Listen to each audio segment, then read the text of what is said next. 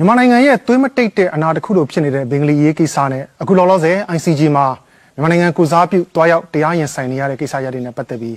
အဓိကထားဆွေးနွေးသွားမှာပဲဖြစ်ပါတယ်။ဒီမှာဆွေးနွေးသွားဖို့အတွက်ကတော့ဒါကျွန်တော်တို့ရဲ့အကိုကြီးကိုဝင်းမော်ရွှေတန်းစင်နဲ့ကျွန်တော်တို့အမကြီးမဝါအထူးသဖြင့်တော့ဒီပုံကိုနှစ်ဦးဟာ2015ပတ်ဝန်းကျင်လောက်ကတည်းကခိုးဝင်ဘင်္ဂလီအရေးနဲ့ပတ်သက်ပြီးတက်တော့ကြကြကျူပန်းဆောင်ရွက်ခဲ့ကြတဲ့ပုံကိုယ်တွေလည်းဖြစ်ပါတယ်။အဲ့တော့ဒီပုံကိုယ်တွေနဲ့သူတို့ကြုံခဲ့ရတဲ့အတွေ့အကြုံတွေဘလို့ကြုံတွေ့ခဲ့ရတယ် ဒီကိစ္စနဲ့ပတ်သက်ပြီးဘယ်လိုဆောင်ရွက်ခဲ့ကြတယ်ဆိုတဲ့အပိုင်းတွေကိုကျွန်တော်တို့ဒီနေရာမှာဆွေးနွေးတင်ပြသွားမှာပဲဖြစ်ပါတယ်ကျွန်တော်ကတော့တင်နေကမဟာဗျူဟာလေးလာရေးအဖွဲ့ရဲ့အမှုဆောင်ဒါရိုက်တာကိုသိန်းထုံးပဲဖြစ်ပါတယ်ခင်ဗျအဲ့တော့ဒါနဲ့ပတ်သက်ပြီးစဆွေးနွေးရမယ်ဆိုရင်ကျွန်တော်တို့အမာကြီးမဝါကိုဒီ2015လောက်ကတည်းကဘင်္ဂလီအရေးကိစ္စနဲ့ပတ်သက်ပြီးတော့လှုပ်ရှားခဲ့တဲ့ဒီနောက်ခံတမိုင်းကြောင်းလေးတွေကျွန်တော်တို့နည်းနည်းလောက်ဝင်ပြပေးပါအောင်ခင်ဗျဟုတ်ကဲ့ရှင်အဲကျမကတော့ခင်ချိုအောင်ဝင်းလို့ခေါ်ပါတယ်ကျမကမောက်ပါလို့လဲလူသိများပါတယ်အမပြောချင်တာ ဒီ2015မတိုင်ခင်ပေါ့နော်2008လောက်မှာတည်းကမီဒီယာလောကကိုအမရောက်တယ်ရောက်တဲ့အချိန်မှာအမသတင်းအချက်လက်တွေအရာအဲရိုးဆိုတဲ့စကားလုံးကိုစသုံးလာတဲ့ပြဿနာလေးကို2008မှာတည်းကတွေ့ရပြီးတော့ဒါဟာတစ်ချိန်မှာအခုငတ်မောင်ပြောသွားသလိုပေါ့သွေးမတိတ်တဲ့အနာကြီးတစ်ခုဖြစ်လာတော့မယ်လို့ဒါကိုအမသတိထားမိလာတယ်အဲ့ဒီအချိန်တွေကစပြီးတော့သခင်ခတ်ထန်တို့ပေါ့နော်သူတို့လူမျိုးကလေးတွေကအဲတနင်္ဂနွေမှာမြန်မာကလေးတွေမြန်မာလူငယ်တွေစုပြီးတော့ ရွှေဒဂုံဖျားမှာတန်ရှင်းလောက်တာမျိုးကနေစပြီးသူတို့ကအမျိုးသားရေးလှုပ်ရှားမှုလေးတွေကိုဒီကလေးတွေတက်တက်ကြွကြွလှုပ်ရှားခဲ့ကြတယ်ဒါဟာလည်းမှတ်တမ်းတစ်ခုပဲအမတို့ဒါလေးကိုပြောရမှာဖြစ်တယ်အဲ့ဒီချိန်တုန်းကလည်းအမကသတင်း agency တစ်ခုမှလုပ်နေတော့အမကိုသူတို့ဆက်သွယ်လာတယ်အမလည်းဒါကိုအဲစနစ်တကျနဲ့အမကလေးတွေနဲ့ပူးပေါင်းခဲ့ဘူးတယ်လောက်ကင်ခဲ့ဘူးတယ်အဲ့ဒီအချိန်မှာလူတွေကဒီအရေးကိုကင်လိုက်လို့ရှိရင်ဒါဟာသူတို့က မြန်မာနိုင်ငံမှာလူမျိုးရေးပြဿနာဖြစ်လာနိုင်တယ်ဆိုပြီးတော့ကန့်ကွက်တချို့ကလည်းအဲ့ဒီတည်းကရှိခဲ့တယ်ဒီကိစ္စကြီးကိုစနစ်တကျဟိုဘက်ကကြီးကြော်လာခဲ့နေစတင်နေခဲ့တယ်လို့ဒီဘက်မှာလည်းလူမျိုးရေးပြဿနာဖြစ်မှာကိုစိုးရိမ်တဲ့နိုင်ငံသားတွေရှိခဲ့တယ်အဲ့ဒီနှစ်ခုကြားထဲမှာလှုပ်ရှားရတာဆိုတော့ဒါအမားတို့အတွက်တစ်ဖက်မှာမီးစာတစ်ဖက်မှာရေမှုတ်ဆိုတယ်လို့အမတို့အနေနဲ့အများကြီးနဲ့ရင်းခဲ့ရတယ်လို့ပြောရမယ်အဲ့ဒီအချိန်မှာဒီဘင်္ဂလီကိစ္စနဲ့ပတ်သက်ပြီးတော့အမအရှိအရှိဖြစ်စဉ်တွေကိုအမပြန်ကြည့်တာပေါ့နော်ပြန်ကြည့်တော့အမဘာသွားတွေ့လဲဆိုတော့ NLD ရဲ့အုပ်ဆောင်ဥတင်ဦးဥတင်ဦးကိုယ်တိုင်ပြောခဲ့တဲ့မှတ်တမ်းတွေရှိတယ်အဲ့ဒီမှတ်တမ်းတွေကိုအမားတို့ပြန်ကြည့်မယ်ဆိုရင်မြန်မာနိုင်ငံလွတ်လပ်ရေးရကန်ဒီမှာအိန္ဒိယကလည်းလွတ်လပ်ရေးရခဲ့တယ်မဟာတမဂန္ဒီနဲ့နေရူရိုစီကိုဂျင်းနာဒါအမားတို့ခုအင်္ဂလိပ်ဒီဘင်္ဂလီပြဿနာကြီးရဲ့အဓိကဟိုပြဿနာဥဆောင်ခဲ့သူကြီးပေါ့နော်ကျွန်တော်တို့သိတဲ့အလီဂျင်နာပေါ့ yes အလီဂျင်နာအဲ့တော့ Mr. Jinnah ကပါကစ္စတန်ကိုသူကတိကျခွဲထွက်ဖို့အတွက်သူတောင်းဆိုခဲ့တယ် နော်ဂန်နီနဲ့နေရူးတို့ကသဘောမတူပင်မဲ့ပါကစ္စတန်နိုင်ငံအဖြစ်ကိုခွဲထုတ်ခွင့်ပေးလိုက်ရတယ်အဲ့ဒီအချိန်မှာတည်းကအရှေ့ပါကစ္စတန်အနောက်ပါကစ္စတန်ဆိုပြီးတော့ကွဲထွက်သွားတဲ့အခါမှာအရှေ့ပါကစ္စတန်နဲ့မြန်မာနိုင်ငံသားတွေဟာနယ်နိမိတ်ချင်းကထိစပ်နေတယ်ကုလူဆက်ဆံမှုတွေကအဲ့ဒီအချိန်တည်းကရှိခဲ့တယ်အဲ့ဒီလိုပဲဘာဖြစ်တယ်လဲဆိုတော့ဒီနတ်ပြည်ကနေပြီးတော့အမားတို့ဥဒိုဟိုသွားခဲ့ကြတဲ့လမ်းနယ်နဲ့အတူအမားတို့နိုင်ငံအတွင်းကိုစစ်နဲ့အတူ အင်္ဂလိပ်တွေကခေါ်လာခဲ့တဲ့ဘင်္ဂလီတွေနော်အဲ့ဒီတုန်းကတော့အမတို့လည်းမသုံးအခုချိန်မှာတော့သုံးရမယ့်အချိန်သုံးရမယ့်ကာလအတိုင်းအတာကိုရောက်တဲ့အတွက်ကျမတို့ကတော့အရင်တုန်းကတော့ပါလာမန်ခေါ်ပေမဲ့ဘင်္ဂလီတွေလို့ပြောရမှာပေါ့အဲ့ဒီဘင်္ဂလီတွေဟာလက်နက်တွေနဲ့အတူအဲ့ဒီဒေသတွေမှာဆက်ပြီးသွားပေမဲ့ဆက်အခြေချနေထိုင်ခဲ့ကြတယ်ဒါဥတီုံပြောသွားတဲ့ဟာတွေနော်အဲ့ဒီလိုမျိုးနေထိုင်ခဲ့ကြရင်ရနေပြီးတော့ဘူးတီတောင်မောင်တော်နဲ့ရခိုင်ရွာတွေဘက်မှာဘင်္ဂလီတွေဟာတော်တော်များများဟာအခြေချနေထိုင်ခဲ့ကြတယ် အရှိပါကစ္စတန်မှာနောက်တစ်ချိန်မှာဘင်္ဂလီခေါင်းဆောင်ဖြစ်လာမယ်ပုံကိုယ်တွေကသူတို့ကနေမီတွေဟာတစ်ဆက်တည်းဖြစ်နေတဲ့အတွက်ကြောင့်ဘူးသီးတောင်မောင်တော်ကိုအဲ့ဒီအချိန်တွေကနော်ပါကစ္စတန်စခွဲထွက်သွားတဲ့အချိန်တွေကဘူးသီးတောင်မောင်တော်နေမြေကြီးကိုသူတို့ရဲ့ပါကစ္စတန်နဲ့နဲ့ဆွဲထည့်ဖို့ဂျင်းနာကိုသူတို့ကတောက်လျှောက်တောင်းဆိုခဲ့ကြတာအဲ့လိုဂျင်းနာရဲ့စာကြီးကအကြီးကြီးဒါဘင်္ဂလီပြဿနာဟာအခုမှဖြစ်လာတဲ့ပြဿနာလို့လူတွေကထင်နေတာတမိုင်းုံမင်းနေလို့ဒါဥတင်ဦးပြောသွားတဲ့ဟာအဲ့ဒီအချိန်တွေကဒီပြဿနာကြီးရှိခဲ့တယ် ဒါပေမဲ့ဂျင်းသားတို့ကအဲ့ဒီအချိန်မှာသူကပြည်내ထူသူတို့ရဲ့နိုင်ငံထူထောင်ရေးတွေလုပ်တဲ့တဲ့ကြောင့်မလို့ဒီအမားတို့ရဲ့ဘူတိတော်မောင်တော်ကိုပါကစ္စတန်နဲ့ဆွဲသွင်းမှုကိုသူစိတ်မဝင်စားခဲ့ဘူးသူဟာအာဒီအရေးကြီးကိုစတင်ခဲ့ပေမဲ့အဲ့ဒီချိန်မှာသူအလုပ်များသွားတာဟာအမားတို့နိုင်ငံအတွက်ကံကောင်းခြင်းတစ်ခုလို့ဒါအခုချိန်မှာတော့အမားတို့သုံးသပ်ရမှာပေါ့လေဒါပေမဲ့အဲ့ဒီအချိန်မှာဘာဖြစ်တယ်လဲဆိုတော့ဒီမေယွမြစ်အနောက်ဖက်ကံကိုဘာသာရေးအရစိုးမိုးဖို့လိုကိုလိုတဲ့ဆိုတော့ ဘင်းနေဟာပါကစ္စတန်ထဲမှာရှိနေပြီးတော့သူတို့ဟာဒီအမားတို့နိုင်ငံဘူးတိတောင်မောင်တော်နေမြေကြီးကို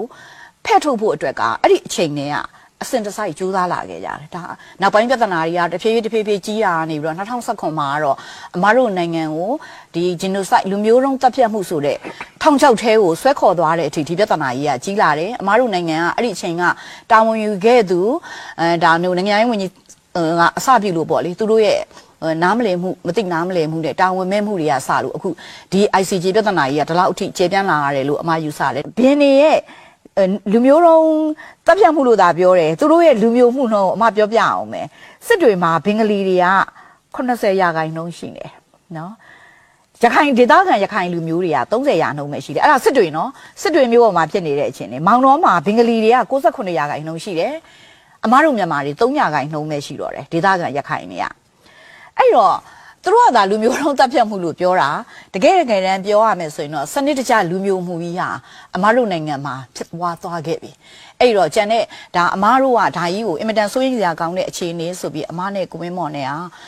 2015လောက်ထဲကဒါကြီးကိုအစင်တစိုက်ရေးခဲ့ပြောခဲ့တယ်ဆိုတာအဲ့ဒီအချိန်တွေကစခဲ့တယ်လို့ပြောရမှာပဲပြောသွားတဲ့ဟာမှလည်းတော်တော်လေးပေါ့ကျွန်တော်တို့အနေနဲ့သတိထားစရာတွေလေ့လာစရာအချက်တွေအများကြီးပါပါတယ်ကျွန်တော်တို့လေ့လာထားတဲ့တမိုင်းကြောင်းထဲမှာလည်းဒီလို ထောက်ပြစရာအချက်တွေပေါ့နော်အများကြီးရှိခဲ့တယ်အခုအကိုကြီးကုံဝင်းမော်ဘက်ကတော့အခုမြေပြင်မှာလည်းသွားပြီးတော့အခြေအနေတွေလေ့လာခဲ့တယ်ကိုယ်တိုင်လည်းကြုံတွေ့ခဲ့ရတယ်ဆိုတော့အဲ့ဒီကိုယ်တိုင်တွေ့ကြုံနေရတဲ့အတွေ့အကြုံလေးတွေကိုလည်းကျွန်တော်တို့ဝေမျှပေးပါအောင်ခင်ဗျာအေးပေါ့ဟိုပြောမလို့ဆိုရင်တော့ဟိုဘာဝကြီးပြောရတဲ့တမိုင်းတွေတော့လွတ်လပ်ရေးတမိုင်းနဲ့အတူတူပေါ့နော်ဒါတွေကဟိုကြံရစ်ခဲ့တဲ့ဟာတွေပေါ့နောက်ပိုင်းမှာကျတော့ဘာဖြစ်လာတာလဲဆိုတော့ကြံရစ်ခဲ့တဲ့လူတွေတွေမဟုတ်တော့ဘူးပေါ့ခိုးဝင်စိတ်ဝင်လာတာတွေရှိတယ်စနစ်တကျဒီနေဆက်တွေကိုလုံခြုံရေးတင်းတင်းကျပ်လှုပ်ထားနိုင်တော့ ခိုးဝင်ပြဿနာတအားကြီးမကြီးသေးဘူးပေါ့ဒါပေမဲ့လို့2015မှာဒီအစိုးရလက်ထက်မှာကြတော့ကျွန်တော်တို့ကတချင်ရရှိခဲ့တဲ့လုံခြုံရေးဥပဒေတွေနောက်ခံဥပဒေလို့အဲဇင်းဥပဒေလို့နော်တော့ပါတော့နိုင်ငံတော်လုံခြုံရေးရပါရေးပေါ်ပြဋ္ဌာန်းဥပဒေဒါတွေကိုဖျက်သိမ်းလိုက်တဲ့အခါမှာအဓိကအကြီးမားဆုံးပြဿနာတော့အဲဇင်းဥပဒေပေါ့အဲ့အဲဇင်းဥပဒေဖျက်သိမ်းလိုက်ပြီးနောက်မှာနတ်မြစ်ကနေပြီးတော့တနေ့တနေ့ကိုဒါကျွန်တော်တို့ကိုယ်တိုင်ရောက်တဲ့အချိန်မှာလည်းမှန်ဘလူးတွေပါနဲ့ကြည့်လို့ရတယ်ရခဲ့ကြတာပေါ့အခြေအနေကရာနဲ့ကြည့်ဝင်တာ ညဘက်ဆိုရင်ပူသူတို့ဝင်တာပေါ့သူတို့ကငမောင်ရဲ့အမားတို့အဲ့ဒီအချိန်မှာအဲ့ဒီကနေမြေကန်လုံခြုံရေးဟိုရာရှိတွေလည်းပြောတယ်အန်ဒီဘွားတဲ့ကျွန်တော်တို့ဒီလန်းတွေဟာအမြဲတမ်းသွားနေတာညမှာဘာမှမရှိဘူးနောက်တစ်နေ့မနေ့မှာကလပ်ဖြင်းဟိုတဲထိုးပြီးသားရွာကြီးတွေတညာတဲ့နဲ့ပေါ်တယ်နော်ငမောင်ဒါပေမဲ့ဒီဘက်ကလုံခြုံရေးအဖွဲ့အစည်းတွေကမသိဘူးလားမလို့သိတယ်သို့တော့ constitution ရဟိုပြည်အောင်စုအစိုးရကပယ်ဖျက်ထားတဲ့ဥပဒေအရသူတို့ဘာမှလုပ်ပိုင်ခွင့်မရှိဘူးခြေလေတွေကစောင့်ကြည့်ရုံပဲကြည့်နေတယ် လူတွေကတော်တော်ဝင်နေပြီတနေ့ကိုယာနဲ့ချီဝင်တာနော်စဉ်းစားကြည့်တနေ့ကိုဆိုတော့လာနဲ့ချီရင်တင်းနဲ့ချီရင်ဘာလို့ဖြစ်တိတ်ကြောက်စရာကောင်းတယ်ပြီးတော့ခုနပြောသလိုမဟုတ်ဘူးပြောသလိုရွာကြီးတက်ကြီးကြီးကြီးကြီးလာတယ်ပြီးတော့သူတို့ရဲ့အိမ်တွေကခုနပြောဝင်ပေါက်ကတစ်ပေါက်ပဲရှိတယ်အဲ့ဒီကိုလုံခြုံရေးဖွဲ့စည်းက၄၅ဆယ်အောင်နဲ့တွားလို့မရအောင်အိမ်တေုံဝင်ပြီးအစင်းစစ်ဖို့ဆိုတာ၄၅ဆယ်အောင်နဲ့စစ်လို့မရအောင်တက်ကြီးနဲ့တွားမှရတဲ့အခြေအနေဖြစ်လာပြီဒါပေမဲ့အစင်းဥပဒေကိုဖျက်သိမ်းထားတယ်အစင်းစစ်ခွင့်မရှိဘူးပြီးခဲ့လွန်ခဲ့တဲ့နော်ဒီအစိုးရ၅နှစ်တက်တန်းကာလမှာ အင်မတန်ကြီးထွားလာပြီးတော့အော်ခုနပြောတဲ့2016မှာတစ်ချိန်ဖြစ်တယ်ဟိုရဲငယ်စကန်3ခုစီးကန်တယ်2000စက်ခွန်စက်ခွန်ကြတော့ကိုဖီအန်နန်ရဲ့ဟာလာဟိုအစီရင်ခံစာထွက်ပြီးနောက်တစ်နေ့မှာပဲစခန်းပေါင်း30 30ဒါစဉ်းစားရစနစ်တကျကြိုတင်ပြီးတော့သူတို့ဘက်ကဟိုဟိုနေမြေသိမ်းမှုအကြံစီပေါ့နော်မြို့သိမ်းတိုက်ဖို့လို့ဘာလို့ဟိုကြားလောင်ကြားပါလားမြို့ဟိုသုံးမြို့သိမ်းမှုလို့ဘာလို့အဲ့လောက်စနစ်တကျကြီးလှုပ်လာတာဖြစ်ကုန်တဲ့ဟိုဟာကြီးကဘာကိုပြောချင်တာလဲဆိုတော့လုံခြုံရေးစီးပေါက်သွားတယ် ပြီးခဲ့တဲ့အစိုးရမှာတော့တာဝန်ရှိတာပေါ့နော်အစင်းအစိုးရဆက်ဆက်ကလုံခြုံရေးစနစ်တကျလုပ်ခဲ့တာတော့မှခိုးဝင်ဆိုတာတော့တိုင်းပြည်တိုင်းမှာနောက်ဆုံးအမေရိကန်မှာတော့မှခိုးဝင်နေတာတွေကရှိတယ်ဟိုဟိုတခြားနိုင်ငံတွေမှာလည်းရှိတယ်ခိုးဝင်ကဒီလျောက်ကတော့ဒါနိုင်ငံတိုင်းမှာရှိနေတာကတော့တိတ်မပြောပါတော့ပြီမယ်ခုနောက်အဲဇင်းဥပဒေဖြတ်ပြီးနောက်ပိုင်းမှာအကြီးအကျယ်ဝင်လာတယ်အဲ့အတွက်2019မှာလက်နက်ကင်တဲ့သူတို့ရဲ့အာစာအဖွဲ့ကြီးနဲ့ပါဖိတ်ဆက်ပြီးတော့စနစ်တကျဟိုတိုက်ပွဲတွေပါပေါ်ဆောင်လာပြီးတော့ကျွန်တော်တို့အဲ့မှာဒေသခံတွေရှိတဲ့ဒိုင်းမျိုးတက် နောက်ပြီးတော့နောက်ဆုံးဟိန္ဒူတွေပါအဝိုင်းမြင်တဲ့အတိုင်းပဲယာနဲ့ချီအသက်ခံပြီးအမြုပ်ခံရတယ်အဲ့တော့အဲ့ဒါတွေရောဂျီနိုဆိုက်မဟုတ်ဘူးလားခုနပြောအစုလိုက်ပြောလာတက်ဖြတ်တာမဟုတ်ဘူးလားအဲ့ဒါတွေတက်ဖြတ်တာတွေကကျွန်တော်တို့ဘက်ကလုံခြုံရေးဖွဲ့စည်းရတတ်တာမဟုတ်ဘူးသူတို့အာစာတက်သွားတာအဲ့အာစာနဲ့ခိုးဝင်ပင်ကလေးနဲ့ပေါင်းပြီးတော့ပူပေါင်းကြံစီတဲ့နေမီဒိန်းတိုက်ပွဲပေါ့နော်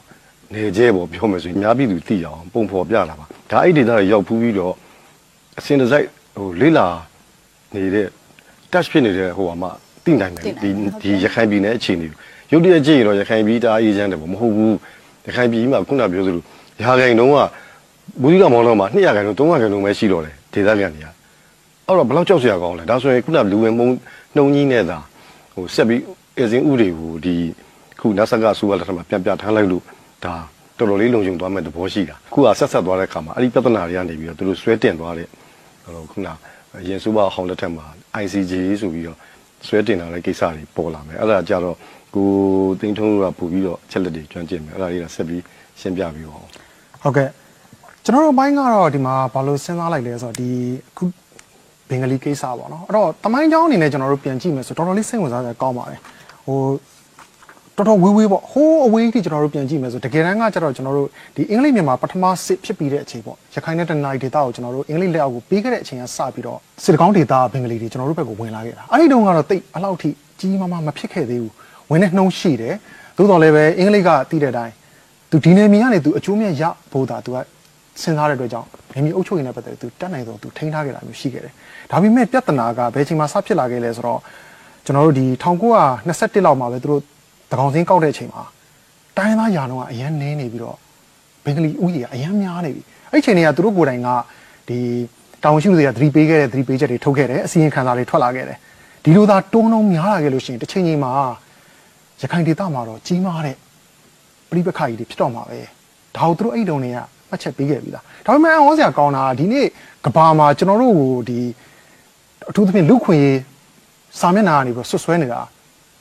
အင်္ဂလန်ဖြစ်နေတယ်အင်္ဂလန်မှာအခြေစိုက်တဲ့ခုနပြောတဲ့ဒီလူခွင့်ရေးအဖွဲ့တွေဖြစ်နေတယ်ကျွန်တော်အံ့ဩလို့မဆုံးဘူးပေါ့နော်သူတို့ကိုယ်တိုင်ကလှုပ်ခဲ့ပါတဲ့ဒီလှုပ်ရက်ကြီးကိုသူတို့မျက်ကွယ်ပြုပြီးတော့အခုချိန်မှာဘာလို့လူခွင့်ရေးဆိုတဲ့စာမျက်နှာလေးသူတို့ပြောနေကြတာလဲအဲ့တော့တေချာတာက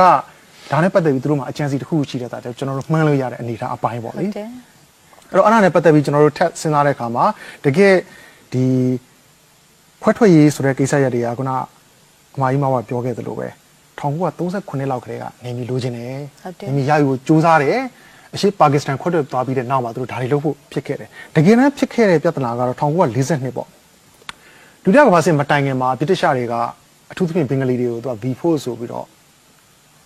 ဂျပန်တွေဝင်လာရင်ပြန်ခုခံဖို့ဆိုတဲ့အနေနဲ့သူလက်နဲ့တက်ဆင်ပေးခဲ့တယ်ဒါပေမဲ့ကန်ဆိုးစွာနဲ့ဂျပန်တွေကိုသူတို့ကမတိုက်ခဲ့ဘူးမတိုက်ဖဲနဲ့တကယ်နေထိုင်တဲ့နေရင်ရခိုင်ရွာတွေအဲ့မှာအလုံးရင်းနဲ့စတိုက်တာဟုတ်တယ်အဲ့တော့ တကယ်တမိုင်းကြောင်းကိုကျွန်တော်တို့ကတင်းတိုင်းချွတ်ချွတ်နဲ့စိတ်ဆက်ဆက်ပြန်လေ့လာမယ်ဆိုရင်ကျွန်တော်တို့စတင်ခဲ့တဲ့ပြိပက္ခမဟုတ်ဘူးဟုတ်တယ်ကျွန်တော်တို့ရှီကကျွန်တော်တို့ရဲ့တိုင်းရင်းသားမျိုးနွယ်စုတွေဟာတစ်ဖက်ကဘင်္ဂလီတွေရဲ့အင်းနဲ့အားနဲ့တိုက်ခိုက်တဲ့တိုက်ခိုက်မှုကိုခံခဲ့ရတာဒါတွေကိုကျွန်တော်တို့က focus မလုပ်နိုင်မဲနဲ့မလေ့လာနိုင်မဲနဲ့အလူခွင့်ရေးတစ်ခုတည်းနဲ့ဟာလူသားမျိုးနွယ်တွေပဲကွာမင်းတို့ကဒါတွေကိုစာနာမှုမရှိဘူးလားထောက်ထားမှုမရှိဘူးလားဆိုတော့ပြောရရင်လက်တွေ့အခြေအနေနဲ့အင်ပတန်မှကင်းကွာတဲ့စိတ်ကူးရင်နဲ့စိတ်ကူးရင်မှုမျိုးပေါ့ကျွန်တော်တို့ကတော့ဒီလိုပဲသုံးသပ်ပါတယ်အဲ့တော့အဲ့ဒီချိန်မှာတင်သူတို့ ဘယ်လောက်ထိစိုးရခဲ့လဲဆိုတော့အရှိပါကစ္စတန်နဲ့ပေါင်းပြီးတော့အထူးသဖြင့်ဒီကျွန်တော်တို့ဘူးသီတောင်မောင်တော်ရသေတောင်ပေါ့ဒီနယ်မြေဒေသသုံးခုပေါင်းဖို့ဆိုတဲ့အစီအစဉ်တွေသူတို့ရှိခဲ့ဘူးတယ်ဟိုတုန်းကဘယ်လောက်ထိလုပ်ခဲ့လဲအဲ့တော့ဟိုတုန်းကလုပ်ခဲ့တဲ့ကိစ္စရပ်တွေရဲ့ impact တွေကကျွန်တော်တို့ရှိမှာဘယ်လောက်ထိတက်ရောက်လဲဆိုတော့ဒီလောက်ထိကျွန်တော်တို့ကနားလည်ဖို့လိုအပ်ပါတယ်ဒါပေမဲ့ကျွန်တော်တို့တမိုင်းကြောင်းကိုပြန်လေ့လာတဲ့အခါမှာမြန်မာနိုင်ငံရဲ့နိုင်ငံရေးပြောင်းလဲမှုဖြစ်သွားတိုင်းဖြစ်သွားတိုင်းဒီကောင်ကြီးအရှိတက်တယ်သူကရှေ့ကိုတက်လာတယ်နိုင်ငံရေးအရာဘယ်နေရာကိုပဲဝင်ဝင် သူအထူးသဖြင့်တော့ခုနကကျွန်တော်တို့ပြောနေတဲ့ role ဆိုတဲ့နာမည်ပေါ့နော်အဲ့ဒီ role နာမည်နဲ့မရရအောင်သူကလှုပ်ရှားမှုရအောင်လုပ်ဟုတာတ်တယ်အဲ့တော့ကျွန်တော်တို့စဉ်းစားကြည့်လိုက်ရင်ဟိုဒီဒုတိယကမ္ဘာစစ်ကတစ်ချိန်ဖြစ်ခဲ့တယ်ဟိုပါလီမန်ဒီမိုကရေစီခေတ်မှာလည်းအများကြီးအဲ့တော့နီးနီးဆက်ဆက်ကျွန်တော်တို့တစ်ချက်ပဲပြောကြည့်မှာပေါ့1988တမန်တော်ဆိုရအာနာသိန်းစီမှာတော့မှမောင်တော်ဒေတာမှာသူကမောင်တော်တစ်မျိုးလုံးကိုသိမ်းဖို့အတွက်ဆိုပြီးတော့လှုပ်ရှားမှုဖြစ်ခဲ့တယ်ဟုတ်တယ်ဒါပေမဲ့တမန်တော်ဆိုရကောင်းကောင်းထိန်းချုပ်နိုင်တဲ့အချိန်မှာတော့သူ့တက်တန်းရှောင်းလုံးမှာဒီဘင်္ဂလီနဲ့ပတ်သက်တဲ့အရေးကိစ္စကျွန်တော်တို့ဘာမှမကြားအောင်ဟုတ်တယ် ဟုတ်တယ်ဒါပေမဲ့အံ့ဩစရာကောင်းတာကတော့2010မှာသမ္မတကြီးဦးသိန်းစိန်အနေနဲ့ဒီဒီမိုကရက်တစ်အစိုးရဆိုပြီးတက်လာတယ်2013မှာကျွန်တော်တို့မှတ်မိမယ်ဆိုလို့ရှိရင်ဒီကြောက်နေမော်ဒေတာအရေးခင်းမတိတာတော့မတိတာထွေးအဲ့ဒီအချိန်မှာလုံးဝဒါ explode လုပ်လိုက်တာဟုတ်တယ်အဲ့ဒီကိစ္စဖြစ်ပြီးတဲ့နောက်ပိုင်းမှာ rule ဆိုတဲ့အတန်အစားထွက်လာတယ်နောက်ဒီတဲ့ထူးဆန်းတဲ့ကိစ္စတစ်ရပ်တစ်ခုပေါ့နော်ကျွန်တော်ထင်တာအမှန်မမှားဘူးဆို2012ခုနှစ်မှာဒီခု ဒီပြီးခဲ့တဲ့တက်တန်းကနိုင်ငံတော်အတိုင်းအမြံပုဂ္ဂိုလ်ပေါ့သူ့ကိုလွတ်တော်လေးကိုထည့်တဲ့အချိန်မှာအဲ့ဒီအချိန်မှာ rule အရေးနဲ့ပတ်သက်ပြီး rule ဆိုတဲ့နာမည်ကိုကျွန်တော် lobby လုပ်တာတွေတော်တော်များများကဒီအဲ့ဒီနာမည်ကိုလုပ်လာတွန်းတွန်းကြဲကြဲတော့သုံးလုပ်လာလာကြတယ်လုပ်လာအဲ့ဒါနဲ့ပတ်သက်ပြီးကျွန်တော်တို့ပါမောက္ခ Jack ပြီးလိုက်တာကိုယ်တိုင်ကသူပြောခဲ့ဘူးတဲ့စကားတစ်ခွန်းရှိတယ်ပေါ့နော်အဲ့ဒီ2012မတိုင်ခင်မှာသူမကြားခဲ့ဘူးတဲ့2012မြန်မာနိုင်ငံကိုရောက်လာတဲ့အချိန်ကျမှအဲ့ဒီနာမည်ကိုနေရာတကာကနေသူ့ကိုမေးကြတယ်ဒါနဲ့ပတ်သက်ပြီးဘယ်လိုသဘောထားရှိလဲဆိုတော့သူကိုယ်တိုင်တော့တော်တော်အံ့ဩခဲ့ရတယ်လို့သူပြောခဲ့ဘူးတာပေါ့နော်သူရဲ့ဒီ ပြောခဲ့တဲ့ဆွေးနွေးပွဲတစ်ခုမှလည်းသူအဲ့ဒီတိုင်းပြောခဲ့ပါတယ်အဲ့တော့တေချာတာကကျွန်တော်တို့ကိုယ်တိုင်လည်းမကြားခဲ့ဘူးအဲ့ဒါဖြစ်တဲ့အချိန်မှာကျွန်တော်တို့လည်းဒီမှာတမိုင်းကြောင်းတွေအကုန်လိုက်လှမ်းရတာစာရွက်တွေဆိုရှိသမျှအုပ်လိုက်ဟိုဘက်ကဆွဲထုတ်ဒီဘက်ကဆွဲထုတ်ဆိုတော့တမိုင်းကြောင်းလေးလာလေးလေကျွန်တော်တို့မှာတကယ်ကိုအံ့ဩစရာကောင်းတဲ့အချက်လက်တွေသွားတွေ့တယ်ရိုးစရာဒီဒီဗမာပြည်ကွန်မြူနတီပါတီအလန်ဒီတခင်ဆိုကြီးတို့ပေါ့သူတို့ရခိုင်ဒေသအခြေစိုက်စင်တုန်းက သူတို့နဲ့ပူးပေါင်းပြီးတော့အထူးသဖြင့်တော့အဲ့တော့မူဂျာဟီဒန်လှူရှာမှုရှိတဲ့အခါမှာမူဂျာဟီဒန်လှူရှာမှုနဲ့ပေါင်းပြီးတော့တကယ်လို့ငါတို့သာဒီနေရာကိုပိုင်နိုင်ခဲ့မယ်ဆိုရင်မင်းတို့ဒီနာမည်နဲ့နာမည်ပေးမယ်ဆိုတဲ့ကမ်းလှမ်းချက်မျိုးအဲ့ဒီချိန်ကစပြီးအဲ့ဒီနာမည်စပေါ်ခဲ့တယ်လို့ကျွန်တော်တို့ကတော့အကြမ်းမြင်သိထားတယ်။ကြံတဲ့ချိန်မှာကျွန်တော်တို့ဟိုလိုက်ရှာတာမတွေ့ဘူး။အထူးသဖြင့်ကျွန်တော်တို့ဒီအင်မတန်မှဒီမှတ်တမ်းတွေရေးပြီးတော့စစ်တိုက်တာတော်တဲ့အင်္ဂလိပ်သူလုတ်ခဲ့တဲ့တ ကောင်စင်းနေမှာတော့မှရိုးဆိုတဲ့နာမည်ကျွန်တော်တို့ရှာမတွေ့ဘူးဟုတ်တယ်အဲ့ဒီတော့ကမရှိခဲ့ပဲနဲ့ဘာကြောင့်ခုမှပေါ်လာသလဲအဲ့တော့မရှိတဲ့ဟာကြီးကိုကျွန်တော်တို့ကဘာလို့လက်ခံနေသလဲဆိုတဲ့ဟာဒီနေရာမှာကျွန်တော်တို့ဒီ technically ကြာကြာသွားစဉ်းစားလို့ရှိရင်ဘလို့ပေါ်လာခဲ့တယ်ဆိုတာပြန်မှန်းဆတယ်မှန်းဆလို့ရပါတယ်အဲ့ဒါနဲ့ပတ်သက်ပြီးဒီတချို့ပေါမောက်ခါကြီးလည်းပြောလိုက်ဒါအခေါ်အသုံးလုံးတစ်ခုပဲလူမျိုးလည်းမဟုတ်ဘူးတမိုင်းကြောင်းလည်းမရှိခဲ့ဘူးဒါတွေကိုကျွန်တော်တို့ကတေချာသိဖို့လိုတယ်ဟိုတချို့ကတော့ရှိတာပေါ့နော်အခုနောက်ပိုင်းကျွန်တော်တို့ကြားပါတယ် ဟာနာမည်လေးပဲခေါ်တာပဲကွာဘာဖြစ်မှာမို့လို့လဲဆိုတဲ့အတွေးခေါ်မျိုးဟုတ်တယ်ကျွန်တော်တို့အနေနဲ့ပြန်စဉ်းစားရင်တော့ဟိုတာမန်ရိုးရိုးလူတွေကတော့ပြောတာပေါ့အာလူကမဲမဲပူပူကောကွာမောင်ဖြူကြီးလို့ခေါ်ကွာဒါကအပြင်လောကတစ်ခုမှာတော့ကျွန်တော်တို့လူတူချင်းကိစ္စလူတူချင်းကိစ္စဟုတ်တယ်ဒါပေမဲ့ဒါကိုနည်းနည်းကျွန်တော်တို့ချက်စဉ်းစားကြည့်လိုက်မယ်ဥပမာဆိုကြပါစို့ရွာတရွာမှာတကယ်ဩဇာတိတ်ကမရှိတဲ့လူအုပ်စုကြီးသူ့ဖေနာမည်ဥဖြူဆိုပါစို့ဒါဥဖြူမိသားစုဒါမဲ့ခုနကကျွန်တော်ပြောတဲ့မဲမဲပူပူကကောင်ဒီကောင်ကမောင်ဖြူလေးဆိုပါစို့ခေါ်လိုက်မယ် ဘာမှတော့မဆိုင်ဘူးဒီမိသားစုနဲ့ဒီဒီချိန်မှာတော့ကျွန်တော်တို့ကခေါ်နေတာပဲရွရောရွရောပြီးအချိန်ကာလတစ်ခုရောက်တဲ့ခါမှာဒီကောင်လေးနာမည်မှာမောင်ဖြူပါတာပဲဒီဥဖြူကြီးမိသားစုနဲ့များဆက်ဆက်မှုရှိသလားဆိုတဲ့ဟာမျိုးတွေကျွန်တော်တို့ခုဒီနာမည်နဲ့ပတ်သက်ပြီးကျွန်တော်တို့စိုးရင်လည်းစိုးရင်မှုပါလဲ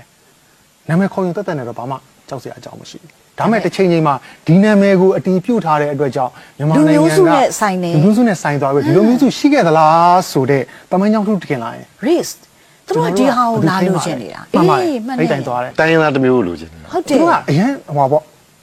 ရင်းနှီးချက်အရန်ကြီးလုံးအရန်ကြီးပါတယ်သူပထမတော့ကျွန်တော်တို့ထင်တာတော့မြန်မာနိုင်ငံသားဖြစ်ခွင့်ပေါ့ဒါပေမဲ့နောက်တစ်ဆင့်ကတိုင်းရင်းသားလူမျိုးစုတစ်ခုအနေနဲ့ရှိခဲ့တယ်ဆိုတဲ့ပုံစံကိုပုံဖော်နေတာအဲ့တော့အဲ့ဒါဒီအခြေပြုတာကခုနကပြောတဲ့ rule ဆိုတဲ့နာမည်အဲ့တော့ပါပါပေါ့ပေါ့လေးတွေးရင်တော့ဟာနာမည်လေးခေါ်တာပဲဘာဖြစ်လဲဒါပေမဲ့တကယ်တမ်းကိုယ့်နိုင်ငံရဲ့အမျိုးသားလုံခြုံရေးဆိုင်ရာအမြင်ရှုထောင့်နဲ့ကြည့်ရင်တော့အင်မတန်အန္တရာယ်ကြီးပါတယ်တချို့လဲပါပါပေါ့ပေါ့လေးကတော့ ဟိုပေါ့ဟာတာအနေနဲ့တော့ကျွန်တော်တို့ကမြင်တော့ကြည့်မယ်ဒါပေမဲ့အဲ့ဒီဟာတာကျွန်တော်နိုင်ငံအတွက်တော့ဒီလိုကောင်းတဲ့ဟာတာတစ်ခုတော့မဟုတ်ပါဘူးအန်ဒီဟာတာအနည်းအင်တန်ကြီးပါတယ်အဲ့တော့လက်ရှိမှာတော့အခုဒီလိုဖြစ်ခဲ့တဲ့ဟိုတမိုင်းကြောင်းတွေကြောင့်ကျွန်တော်တို့က ICJ မှာတရားရင်ဆိုင်ဒါဆိုဒုတိယအကြိမ်မြောက်ဖြစ်သွားပြီမသိချင်တာကလေပထမတစ်ခေါက် ICG မှာအမားတို့စီကနိုင်ငံသားရေးဝန်ကြီးဦးစီးပြီးတော့ရှင်းလင်းခဲ့တဲ့အချက်လက်တွေရဲ့အားနည်းချက်တွေ အမားတို့အားနည်းချက်တွေရှိခဲ့တယ်လို့မြင်ပါတယ်အခုတစ်ခေါက်ဒုတိယတစ်ခေါက်သွားတဲ့အခုကိုလှိုင်းတို့ဥဆောင်တဲ့အဖွဲ့ရဲ့ဖြည့်ရှင်းချက်တွေအဲ့ဟာလေးတွေအမကိုနှိုင်းရှင်ပြီးတော့ငါမအောင်ရှင်းပြပြောပြပေးနိုင်မလားလို့အဲ့တော့ပထမတစ်ကြိမ်ဆွဲချက်တင်တဲ့အချိန်မှာကျွန်တော်တို့ကဘာတွေးခဲ့လဲဆိုတော့ဒီ2019ပေါ့စက်တင်ဘာလောက်မှာပဲဒီ ICJ မစခင်မှာ ICC က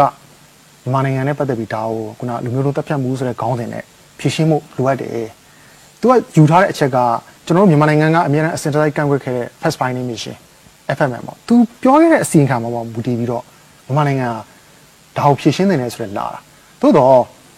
အဲ့ဒီတော့ကတော့မြန်မာနိုင်ငံဒီ ICC လက်မှတ်ထိုးထားတဲ့အဖွဲ့ဝင်နိုင်ငံလည်းမဟုတ်ဘူး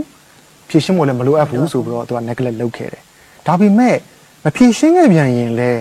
ဒါနဲ့ပတ်သက်တဲ့အချက်လက်အမှန်ကိုသူများတွေမသိမှဆိုတဲ့ကျွန်တော်တို့ကတင်နေကအဖွဲ့အနေနဲ့ကျွန်တော်တို့ဒီ ICC ကို Amica Curies တင်ခဲ့ပါတယ်အဲ့ဒါနဲ့ပတ်သက်ပြီးကျွန်တော်တို့မှလည်းဒီမှာတော့ data တွေအများကြီးတော့ရှိတယ်ဟုတ်တယ်လိုအပ်တဲ့အချက်လက်တွေကျွန်တော်တို့ကွင်းဆင်းခဲ့တယ်2018လောက်ကျွန်တော်တို့အဲ့ဒီနေမျိုးရောက်ခဲ့တာပေါ့အဲ့ဒီတော့ကအံ့ဩစရာကောင်းတာအကိုကြီးတို့မှာပါတော့ပြောသလိုပဲလူကြီးတိုးဝါနှုံးနဲ့နေနေအခြေချထားတဲ့ပုံစံတွေတော်တော်ကြောက်စရာကောင်းတယ် အမအဲ့ဒါပြောတာနော်ဟုတ်ကဲ့အခုအမတို့ကို genocide လုပ်တယ်လို့သူတို့ကဆွဆွဲတယ်ဒါပေမဲ့ကျမတို့ရဲ့နိုင်ငံထဲမှာဖြစ်နေတာကိုပဲကျင်ကမှာစစ်တွေမှာရခိုင်30ရာနှုန်းပဲရှိပါတယ်ဘင်းနေ80ရာခိုင်နှုန်းရှိတယ်ဘူးတိတော်မောင်တော့မှာဘင်းနေ69ရာခိုင်နှုန်းဖြစ်နေပြီဒေသခံတိုင်းရင်းသား3ရာခိုင်နှုန်းပဲရှိပြီအမတို့နိုင်ငံကသာသူတို့ပြောတဲ့လူမျိုးတို့တပ်ဖြတ်မှုကိုတကယ်လုပ်ခဲ့ရင်ဒီလူမျိုးတွေဟာအမတို့နိုင်ငံထဲမှာဒီလောက် increase ဒီလောက်အထိကြီးမားလာစရာအကြောင်းမရှိဘူး ဒါကြီးကထက်တွေ့ရမယ်အကြောင်းအရာပါငါမှာငါမှာလို့လေရှင်းနေတာရှင်းနေတာပဲ genocide ဟာအမတို့နိုင်ငံဟာလုံသလားမလုံသလားဆိုလုံဖို့မလုံဘူးလို့ပြောရမယ်အမတို့အားမလို့အားမရမဖြစ်တော်တော်ကိုဖြစ်ပြီးရင်ခွဲခဲ့ရတာကိုဝင်းမော်နဲ့အမနဲ့သွားတယ်ညနေ၄နာရီလောက်ကိုမောင်တော်မှာအမတို့တက်ကအလုံးုံရေးကားတွေနဲ့သွားရတယ်ဘာလို့လဲဆိုတော့နေရာတကာကြည့်လိုက်လို့ရှိရင်အမတို့ကိုဒါသူတို့သိတယ်သူတို့ရဲ့ဒေသခံမဟုတ်ဘူးအမတို့ကိုလာတဲ့လူအရေးအပေါ်မှာရန်လုံးမုံတီးစွာနဲ့ကြည်တာဟာဘင်းနေ စစ်တွေမှာလည်းဒီတိုင်းပဲငါမောင်စစ်တွေမြို့လေကောင်မှာဘင်းနေရဲ့ရက်ွက်ကြီးကိုငါမောင်တို့သွားကြည့်လိုက်ကြအောင်ဂျီနိုဆိုက်လို့ပြောလို့ပြောရလောက်အောင်ဟာထိခတ်တာကကိုယ့်လူမျိုးတွေနော်လူမျိုးပြီးတော့ဂျီနိုဆိုက်အလုပ်ခံထားရတာအမတို့နိုင်ငံသားတွေဖြစ်ပါတယ်အမတို့နိုင်ငံရဲ့အခြေအနေကိုအဲ့လောက်ကလေးသွားကြည့်ပြီးမှအဲ့ဒီစကားကိုဆက်ပြောတင်ကြတာနော်အရင်ဆိုရလက်ထက်မှာလေကခုနကပြော ICJ မှာဖြစ်လာတဲ့ပြဿနာကြီးက ကျွန်တော်တို့မြန်မာတက်မလို့ထောင်ချောက်ကြီးတဲ့ဆွဲသွင်းတာလို့မခံစားမိဘူးလားဟုတ်ကဲ့အဲ့ဒါကတော့တော်တော်လေးစဉ်းစားကြကောင်းတယ်ခင်ဗျအဲ့ဒါနဲ့ပတ်သက်ပြီးကျွန်တော်တို့လေ့လာထားတာပါရှိလဲဆိုတော့ဒီအဲ့ဒီတုန်းကနိုင်ငံသားရေးဝန်ကြီးပေါ့နော်ဟိုလောလောဆယ်မှာတော့ပြဿနာနဲ့အမှုရင်ဆိုင်နေရတဲ့နိုင်ငံတော်တိုင်းနိုင်ငံကသူနိုင်ငံသားရေးဝန်ကြီးအနေနဲ့သူတွားပြီးတော့အဲ့ဒီမှာရှောက်လဲချက်ပေးခဲ့တာရှိတယ်အဲ့ဒါကိုကျွန်တော်တို့ပြန်လေ့လာတဲ့အချိန်မှာစိတ်ဝင်စားတဲ့ကောင်းတဲ့အချက်တွေကျွန်တော်တို့သွားတွေ့တယ်အဲ့တော့ကျွန်တော်တို့ခုန ICJ ကိုကြတော့သူက2019နိုဝင်ဘာ17မှာ ICJ မှာတရားစွဲဆိုတယ် နေပြည်တော်မှာကြတော့ဒီ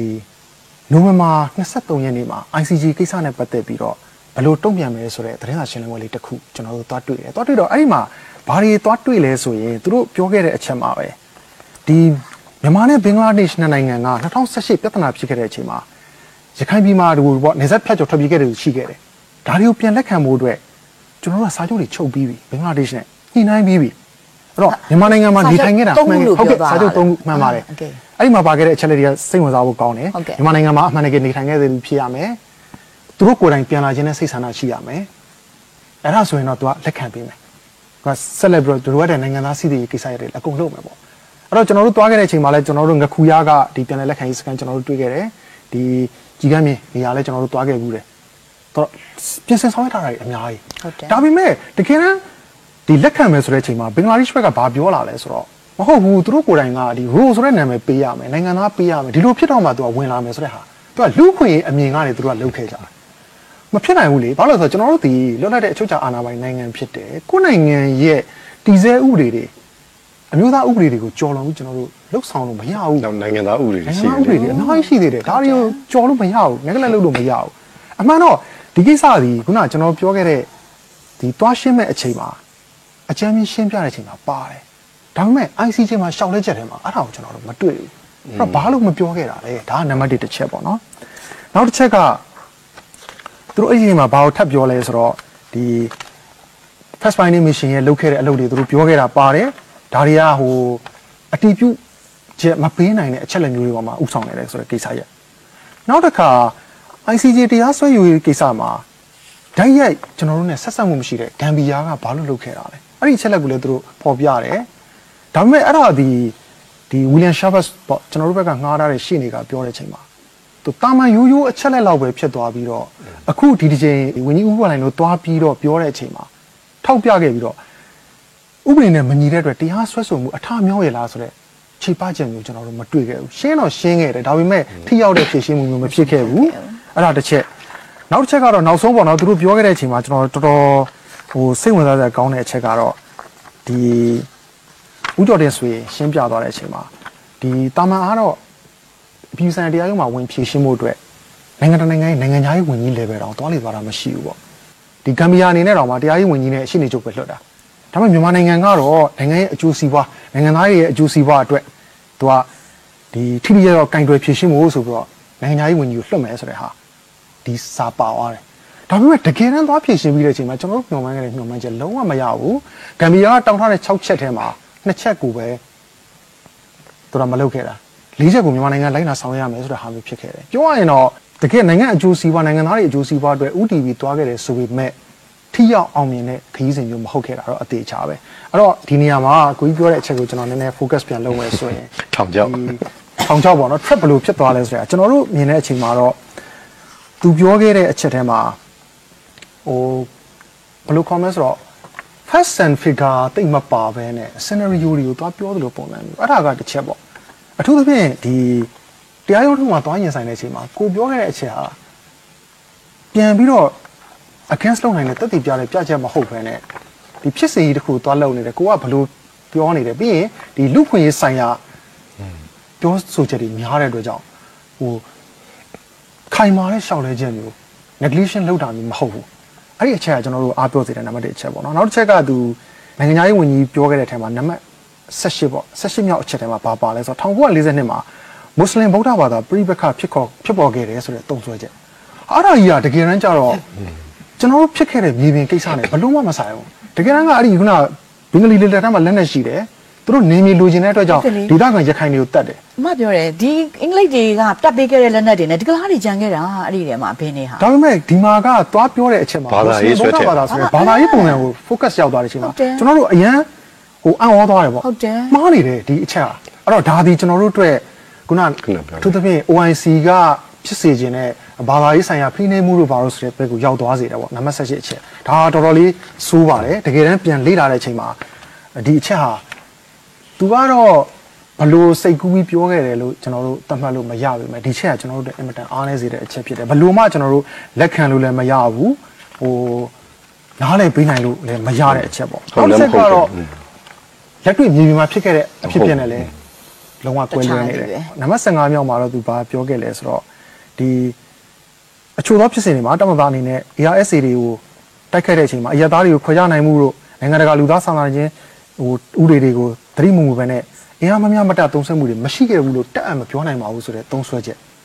အဲ့တော့နိုင်ငံသားရေးဝန်ကြီးတယောက်ဟာနိုင်ငံသားရေးဝန်ကြီးတယောက်အနေနဲ့တွားရောက်ဖြည့်ရှင်းတဲ့အချိန်မှာလက်ရှိမြေပြင်အခြေအနေကိုမသိဘဲနဲ့ဒီလိုမျိုးမှန်းဆချက်ဟာဒီနေရာမှာပြောဖို့လိုအပ်သလားအမှန်ဆိုရင်နိုင်ငံသားရေးဝန်ကြီးတယောက်ဟာကိုယ်နိုင်ငံမှာဖြစ်နေတဲ့နေဆက်ဆိုင်ရာပြဿနာတစ်ခုမှာဒီတေးအချက်လက်ကတော့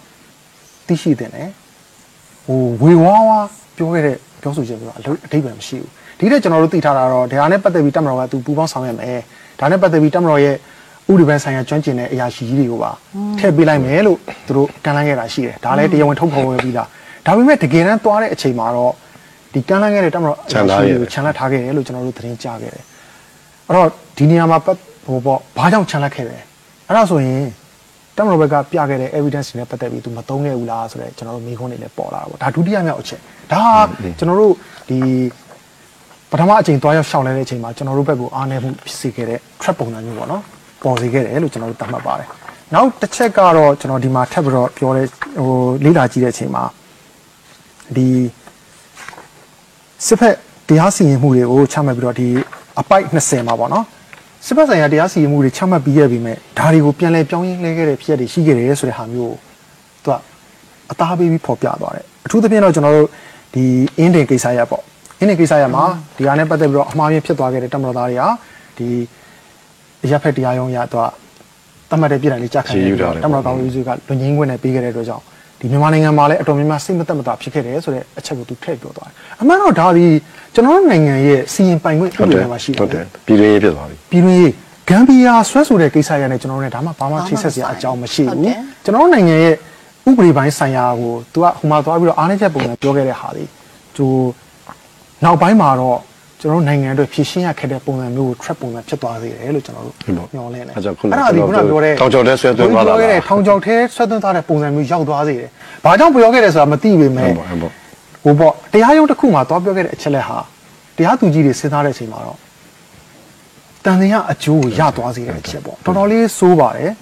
အဲ့တော့ဒါနဲ့ပတ်သက်ပြီးကျွန်တော်တို့ပြန်ပြောခဲ့မယ်ဆိုလဲတကယ်တမ်းဖြစ်စင်မှာတော့ဒီအင်းတင်ကိစ္စရမှာတမန်တော်သားတွေကိုယ်တိုင်ပါခဲ့တာမဟုတ်ဘူး တကယ်တမ်းကျတော့ဖြစ်ခဲ့တာလုတ်ခဲ့တာကရွာသားတွေသူတို့မထိန်နိုင်ခဲ့တဲ့အတွက်ကြောင့်အခြေအနေရခွင့်ပြုပေးခဲ့တဲ့ဟာမျိုးဖြစ်သွားခဲ့တာဒီဖြစ်စဉ်နဲ့ပတ်သက်ပြီးကျွန်တော်တို့တချို့နိုင်ငံခြားတန်တမာနေနဲ့ဆွေးနွေးတဲ့အချိန်မှာလည်းကျွန်တော်တို့တေချာရှင်းပြခဲ့ပါတယ်သူတို့နားလည်ပြီးတဲ့အချိန်မှာတော့ဒါပေမဲ့ဒါက ICJ သွားရင်ဆိုင်တဲ့အချိန်မှာဒါကြီးကိုပြောခဲ့တယ်ဟိုတော်တော်လေးစူးစူးဝါးဝါးပေါ့နော်အဲ့တော့နောက်ဆုံးချမှတ်တဲ့အချိန်မှာကျွန်တော်တို့ဘက်ကမှန်ကန်နေတဲ့ကိစ္စရပ်ကြီးတွေပေါ်မှာ focus မလုပ်နိုင်တော့ခုနပြောခဲ့တဲ့ဒီ ဟိန္ဒူမျိုးသားမျိုးသမီးတွေရဲရဲဆက်ဆက်တက်ခဲ့ရတဲ့အ အဲ့ဒါလေးအမ ဟာတွေ ပြောချင်တာအဲ့ဒီမှာအမကဘာသွားတွေ့ထားလဲဆိုတော့ကိုဝင်းပေါ့ကျမတို့သွားပြီးတဲ့အချိန်အမတို့သွားတဲ့အချိန်မှာပေါ့နော်အမတို့သွားတော့အဲ့2019မှာအမတို့ကအဲ့ဒီဟာဟိုစစ်တွေမြို့ပေါ်ကအเจ้าမှာဟိန္ဒူတွေကို အဲဟိုဟာပေါ့ကယ်ဆယ်ရေးစခန်းဖွင့်ထားတယ်အမတို့တွေ့ခဲ့တယ်တွေ့ခဲ့ပြီးတော့နောက်အဲ့ဒီအချိန်မှာသူကဘာပြောလဲဆိုတော့အမရဲ့ကျမတို့တော့ဒီမှာအရှင်မကွဲအမတို့စီကိုလာတာကလေးတွေကလေတနာဖို့လည်းကောင်းပါတယ်အဲဟိုတချို့ဆိုရှင်မီးလေးတွေနဲ့အရွယ်လေးတွေရောက်နေပါပြီအဲ့တော့အမတို့တွေကိုဝင်းမော်တွေကကယ်ဆယ်ရေးပစ္စည်းတွေပေးတဲ့အချိန်မှာသူတို့ကလည်းဝမ်းသာအားရနေပြီးတော့နောက်သူတို့ကအမကိုကြတော့မိမချင်းကို လက်ကလေးဆုပ်ပြီးတော့အမရဲ့ကျမတို့ရွာမှာအဖေတို့ကြံခဲ့တယ်အကိုတွေကြံခဲ့တယ်ဘာလို့လဲရွာမှာအဲအဲလေရီနွားတွေကျွဲတွေရှိတော့သူတို့ဒါတွေကိုစောင့်ပြီးကြံခဲ့တာတေလားရှင်လားမသိလို့သူတို့ကပြောတဲ့အချိန်မှာအမကတော့အားတွေပေးခဲ့ရတာပေါ့လေပြန်တွေ့မှာပါငါညမရဲ့ပေါ့အမရန်ကုန်ဒါပေမဲ့အမတို့ရန်ကုန်ပြန်ရောက်ပြီးရန်ကုန်မှာအမတို့ကသတင်းစာရှင်းလင်းပွဲလုပ်ပြီးနှစ်ရက်ကြာမှာပဲအမသိလိုက်ရတာအဲ့ဒီသူတို့ရွာတွေကရွာလုံးကျွတ်အသက်ခံထားရတယ်ဒါပေမဲ့အမကလေတလားအဲ့ဒါကိုအမပြန်ဖတ်တော့ဘာသွားတွေ့လဲဆိုတော့အမတို့ဒီ2019ဩဂတ်စ်လ24ရက်နေ့မှာ အဲ့ဒီရဲဘော်ကြရွာအခုကျမတို့အဲ့ဒီဟိန္ဒူမာလေးတွေရဲ့ရွာအဲ့ဒီရွာကိုဝင်သက်သွားတာအဆာတွေနော်ငါမဖြစ်တာကသူတို့ကပြောတာဒီဘင်္ဂလီတွေကဒေသခံဘင်္ဂလီတွေကအဲ့ဒီရွာတွေကိုဝင်သက်တာဝင်စီးတာဒါပေမဲ့အဲ့ဒီမှာအဆာပါတယ်ဆိုတာကိုသွားတွေ့လိုက်တော့နိုင်တိုက်ခံလဲဒါကို तू ကဟိုတိတိချာချာကွက်ကွက်ပြပြမသိခဲ့တာလားမသိချင်ဟန်ဆောင်ခဲ့တာလားတော့အမမသိဘူးအမသိလိုက်တာကတော့အာစာသည်ဘင်္ဂလီတွေနဲ့အတူတူပဲဒါကြောင့် အခုနကပြောတယ်တက်မတော်ကဒီကိစ္စမှာမဖြစ်မနေဝင်ပါရတယ်ဆိုတာဟာလေပါမန်အကြမ်းဖက်မှုမဟုတ်ဘဲနဲ့အ ခုနကပြောသလိုလူမျိုးစုလိုက်အကြမ်းဖက်တဲ့အာစာဆိုတာသိတဲ့အတိုင်းပဲလေဒီလိုဟာမျိုးကပါလာတဲ့အတွက်ကိုယ့်ဒေတာကိုယ့်ရွာအတွက်မဖြစ်မနေထွက်သွားရတယ်ထွက်လိုက်ဟိုမဖြစ်မနေဝင်ရောက်ပါလာရတဲ့အဲအခြေအနေတွေဖြစ်ခဲ့တယ်လို့ဒါအမသိလိုက်ရတော့အမတော်တော်စိတ်မကောင်းဖြစ်တာပါဒါကိုအမတို့နိုင်ငံကလူတွေကလည်းဆက်ဆက်တွေးကြမှာတွေးလိုက်မယ်ဒေသခံဘင်းတွေကဖိနှိတ်ခံလုံးလို့ဖြစ်တယ်ဘယ်ဟုတ်မလဲဘင်းတွေနဲ့တူအာစာပါတယ်ဆိုတဲ့ကွာသူတို့ရဲ့လှုပ်ရှားမှုတွေလွန်ခဲ့တဲ့နှစ်ပေါင်းများစွာတွေကလှုပ်ရှားမှုကြီးကိုအခါအခွင့်အသင့်တိုင်းအမတို့နိုင်ငံမှာနိုင်ငံရေးအပြောင်းအလဲတွေဖြစ်ပြီးအဲခုနပြောလို့ပေါ့ဟိုတက်မတော်ကိုထိုးနှက်လို့ရမယ်အချိန်မျိုးတိုင်းမှာသူတို့ဒီဝင်လာပါ အမြဲတမ်းအရှိန်အဟုန်နဲ့ဝင်လေးရှိတယ် အဲ့တော့ဒါနဲ့ပတ်သက်ပြီးတော့မပြောတဲ့ဟာကိုလည်းကျွန်တော် focus ပြန်လုပ်ဆရာပါပြန်ပေါ်သွားလဲဆိုတော့တကယ်တမ်းဖြစ်ခဲ့တဲ့အဖြစ်အပျက်ကပထမဆုံးတစ်ချိန်သွားတဲ့ ICJ မှာကျွန်တော်တို့ကပေါ်လွင်အောင်လည်းမရှောင်နိုင်ခဲ့ဟုတ်ဘူးတယ် အထူးသဖြင့်ပိုဆိုးတာအခုဒီဝင်းကြီးဥပ္ပဝလိုင်းတို့သွားတဲ့ချိန်မှာဒီ focus လုပ်ခဲ့တဲ့အချက်တွေပေါ့နော်ဂမ်ဘီယာဟာကိုယ်တိုင်မဟုတ်ဘဲနဲ့ OIC ကိုစားတရားဆွဲတာလား ဒါမျိုးဟာ ICJ ရဲ့တရားစီရင်ပိုင်ခွင့်ထဲမှာရှိသလားနောက်တစ်ခါဂမ်ဘီယာဟာနစ်နာတဲ့နိုင်ငံမဟုတ်ဘူး injustice state မဟုတ်ဘူးမဟုတ်ဘဲနဲ့ဘာလို့ဆွဲတာလဲနောက်တစ်ချက်ကကြတော့ဒီ genocide convention မှာမြန်မာနိုင်ငံကဒီချွင်းချက်နဲ့လက်မှတ်ထိုးထားတာအဲ့ဒီချွင်းချက်ဟာအဖွဲ့ဝင်နိုင်ငံတစ်နိုင်ငံကတခြားတစ်နိုင်ငံကိုတရားစွဲပိုင်ခွင့်မရှိဆိုတဲ့ဟာမျိုးပါတယ်အဲ့တော့ဟို genocide ဖြစ်တာမဖြစ်တာအသာခဏဖယ်ထားအောင် တရားစွဲပိုင်ခွင့်တော့ရှိပါရဲ့လားဆိုတဲ့မေးမြန်းချက်မှုမမြောက်ဘူးဆိုတာကပထမဆုံးသွားခဲ့တဲ့အပိုင်နဲ့ဒီဟာနဲ့ဟာဟိုပြောရင်စန့်ကျင်ဘက်ဟိုဘက်ဒီဘက်ကိုကွာနေတာပထမသွားတဲ့ဟာကကြတော့ဟိုအပြစ်ပဲရှိသလိုလိုလုံပဲလုံသလိုလိုဘာမှမသိပဲနဲ့ကျွန်တော်တို့ကရှောင်လဲချက်ပေးသွားတာဒီချိန်မှရှင်းတယ်ဥပဒေကြောင်းအရအတိအကျအချက်လက်တွေပေးတယ်အဲ့တော့ကျွန်တော်တို့ဒီလောလောဆယ်တရားစီရင်ရေးအပိုင်းကိုသွားလေ့လာတဲ့ချိန်မှာတော့ဟိုဘက်ကဂမ်ဘီယာကိုယ်တိုင် ဟာပထမအချိန်တုန်းကတော့လက်ခံခဲ့ပြီးသားဘယ်လိုဖြစ်လို့ဒီချိန်ကျမှဒါလုပ်လဲဆိုတော့ပြန်ပြီးတော့အဲ့လိုဖြစ်ကုန်တာပေါ့အချမ်းမြင်းပြန်လှုပ်လာခဲ့တဲ့ဟာမျိုးတော့ကျွန်တော်တို့သွားတွေ့တယ်ပေါ့နော်အဲ့တော့ဒီလိုမျိုးသာဒီဒုတိယအချိန်မှာသွားတဲ့ပုံစံမျိုးသာတိတိကျကျလုံနိုင်နေမယ်ဆိုရင်ဂမ်ဘီယာပထမချိန်ဆွဲခဲ့တဲ့ဆွဲချက်ဟာဒီချိန်လေးတော့ရောက်လာကြဟုတ်တယ်မဟုတ်ဘူးလို့ကျွန်တော်တို့သတ်မှတ်လို့ရပါတယ်ဟုတ်တယ်ပထမချိန်မှာကျွန်တော်တို့အားနည်းချက်တွေအများကြီးရှိခဲ့တယ်ဟိုဘလို့ပဲနိုင်ငံအတွက်သွားတယ်ပဲပြောပြောဘလို့ပဲပြောပြောဒီဟာကြီးဟာကျွန်တော်တို့အတွက်တော့အောင်မြင်တဲ့ဟာလည်းမဟုတ်ခဲ့ဘူး နိုင်ငံရဲ့အတွက်သိက္ခာလည်းကျစေတယ်ပြီးတော့ဒီမြေပြင်ချင်းနေတဲ့ကွဲပြားခြားနားနေတဲ့ဆုံးဖြတ်ချက်မျိုးတွေလည်းကျွန်တော်တို့ကြုံနေရတယ်ပေါ့အခုပြန်လုတ်ခဲ့တဲ့ပြန်ပြီးတော့ against လုပ်ပြီးတော့တရားရင်ဆိုင်တဲ့ပုံစံနဲ့ဟိုတုန်းကပုံစံဟာ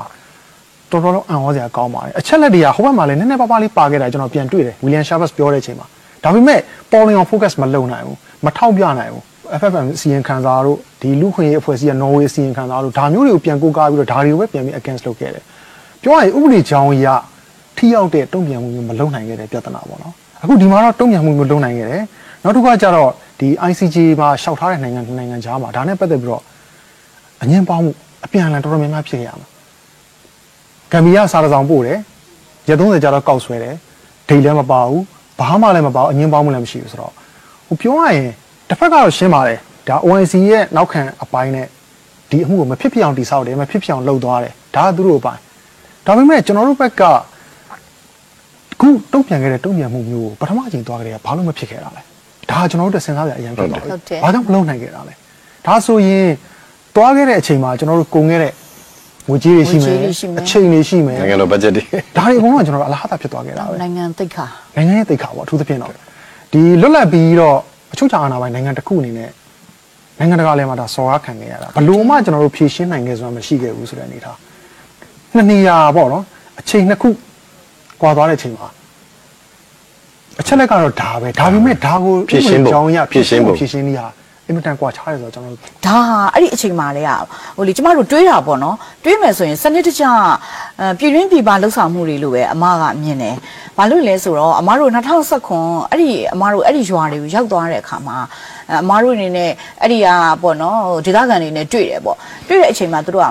အဲသူတို့ကဒီလိုတွေဖြစ်တော့မယ်ပေါ့နော်ဒီလိုစနစ်တကျမြို့သိမ်းတိုက်ပွဲတွေရဲကင်းတွေကိုတိုက်တော့မယ်ဆိုတာဟုတ်တဲ့ ကျွန်တော်တို့ကြိုသိတယ်တဲ့ဟဲ့တို့ဘာလို့သိလဲပေါ့အမကိုပြောပြပါဆိုတော့ဟိုကိုင်းမော်လည်းသိပါတယ်သူတို့ကနံပါတ်1ကအဲ့ဒီချိန်မှာဘင်းနေရဟိုရခိုင်ကလေမြေတွေအင်မတန်စိုက်တာလေအထွက်တူတာဘင်းနေရဲ့အဓိကအစီအပွားရေးကအဲ့ဒီမှာစံနဲ့ပဲလေအဲ့နှစ်မှာမဆိုင်တော့အဲ့ဒီနှစ်မှာလဲတွေကိုမဆိုင်တော့ဘူးရွာတွေထဲမှာအမျိုးသားယောက်ျားလေးမရှိရွယ်ကောင်းယောက်ျားလေးတွေမရှိတော့ဘူးပြီးတော့နောက်ရွာတွေကိုအဲသူတို့ကတော့သိတယ်အဲခုနပြောလို့အာစာလူပေါ့အဲအဲ့ဒီလိုလူတွေအဝင်အထွက်များလာတယ်နောက်တစ်ခုကနောက်သူတို့ရိတ်ခါတွေကိုစနစ်တကျတူထောင်တယ်ပေါ့ အဲ့ဒါတွေကဘယ်မှာပေါ့အမားတို့သွားတဲ့အချိန်မှာလဲအမားတို့ဆီမှာဓာတ်ပုံတွေရခဲ့တယ်ဆိုတော့သူတို့အဲ့ဒီဘင်းရွာတွေတချို့ဟိုသူတို့ ဘင်းရွာတွေကိုသူတို့ကိုသူတို့မီးရှို့ဖျက်ဆီးသွားပြီးတဲ့အချိန်မှာ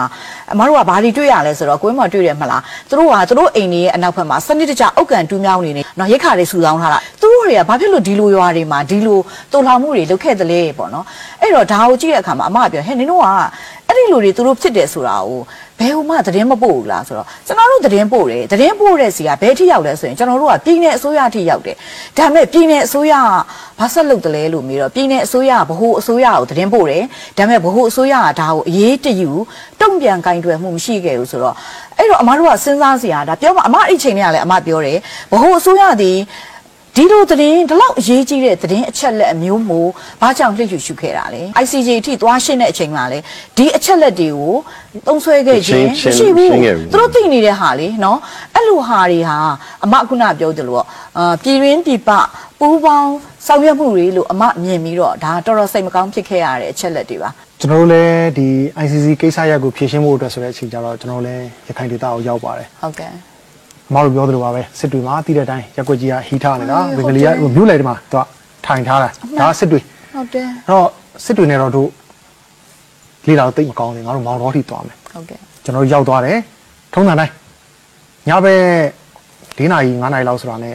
အဲ့တုန်းကတော့နည်းနည်းငြိမ်သွားတဲ့အချိန်ဒါပေမဲ့6နာရီလောက်ဆိုကျွန်တော်တို့အပြင်ထွက်လို့မရမရတော့ဘူးဟုတ်တယ်မောင်တော်မှာကတကယ်မိန်းလမ်းမာကြီးဒီ အကုန်လုံးဒီဘင်္ဂလီအဘင်္ဂဖြစ်လီပဲဟုတ်တယ်ရခိုင်နဲ့မြန်မာနေတဲ့နေရာဒီလမ်းသွယ်လေးနှစ်လမ်းပဲရှိတယ်နှစ်လမ်းတော့ကသူကလမ်းမှာတစ်ဝက်လောက်လေဟုတ်တယ်ဟုတ်တယ်ကျွန်တော်တို့နေခဲ့တဲ့ဟိုတေခုကန်လေးရဲ့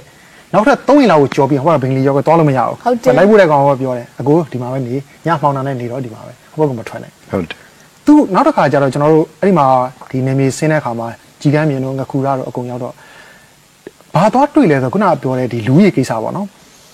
ကြည်ကမ်းမြင်သူကကျွန်တော်တို့ကမြေပုံပေါ်တော့ကြည်ကမ်းမြင်ဒါရွာကြီးပေါ့ ဒါပေမဲ့ခုနလူကအရန်များလာတဲ့အချိန်မှာသူက၄50လောက်စုပြီးနည်းနည်းဝေးတဲ့နေရာမှာတနေရာလောက်တယ်ကြည်ကမ်းမြင်အရှိဟိုဘက်နဲ့ထွက်သွားကြည်ကမ်းမြင်အနောက်တောင်မြောက်ဆိုတော့ချဲ့ပလိုက်တာတကယ်တမ်းကျွန်တော်တို့ကမြေပုံပေါ်မှာသာကြည်ကမ်းမြင်ရွာတွေပါဖြစ်တာခုနကြည်ကမ်းမြင်တို့ငခုရတို့စခန်းတွေဝင်တိုက်တဲ့အချိန်မှာအဲ့လိုခုနအဆွဲပွားရှိတဲ့လူတွေကလာတာအဲ့တော့ပြဿနာကမြေပြင်မှာဝင်ရှင်းတဲ့အချိန်မှာလူတွေကိုသာဟိုလိုလုပ်တယ်ဒီလိုလုပ်တယ်ပြောနေတာအရန်ပွားများနေတဲ့နေရာကနေပြီးတော့အာစာခိုအောင်တာတို့ဘာလို့လဲဆိုတော့အံ့ဩစရာတော်တော်ဖြစ်သွားတာပေါ့နော် ဒီဘုံကတော့ဟုတ်တယ်သူကကြည်ကမ်းမြင်ဆိုကြည်ကမ်းမြင်ပါအောင်ပြဿနာဖြစ်တဲ့သွားတကယ်လို့ကြည်ကမ်းမြင်သွားတဲ့အချိန်မှာခုနဘေးနာရွာငယ်တွေကဝိုင်းပြီးတော့တုတ်တင်တာလေးတက်ဖြတ်တာတွေခံရတယ်အခုဖြစ်ငခုရစခန်းဆိုရင်တော်တော်လေးရဲရဲဆက်ဆက်ပေါ့ခံလိုက်ဟုတ်ရတတယ်ယ်နောက်ကျွန်တော်တို့အလဲတန်းကျော်တကယ်နာမည်ကြီးအလဲတန်းကျော်ဒီ